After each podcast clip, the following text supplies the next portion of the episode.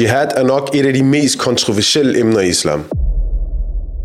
Vestlige politikere og medier forbinder det konstant med terror, drab på civile og tvangskonvertering. Og i et forsøg på at forsvare jihad, så har nogle blandt muslimerne reduceret dens indhold til et spørgsmål om, at det handler om individets kamp mod sit eget ego, eller at jihad er væbnet kamp, som kun kan gøre sig gældende, når muslimerne vil forsvare sig mod aggressorer. Men hvad er jihad så?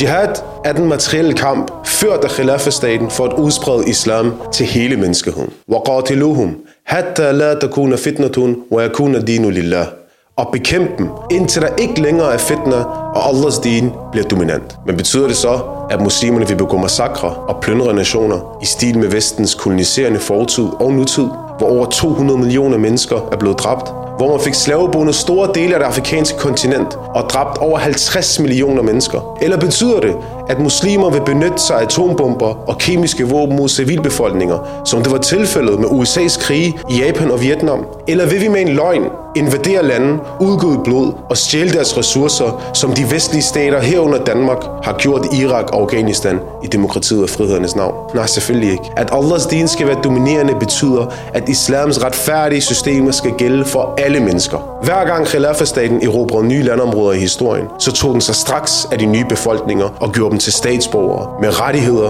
og med beskyttelse. Khilafah-staten varetog dem med islam og faciliterede boliger, hospitaler, biblioteker, videnscentre og skoler for dem og sikrede, at deres behov var opfyldt. Byer og samfund blev udviklet efter islams indtræden. De blev ikke destrueret, ligesom det tilfældet med vestens blodige krige. Derfor så var det også naturligt, at nationer i massevis omfavnede islam som et resultat af dens retfærdige varetagelse. Det her, det historiske og politiske kendskærninger.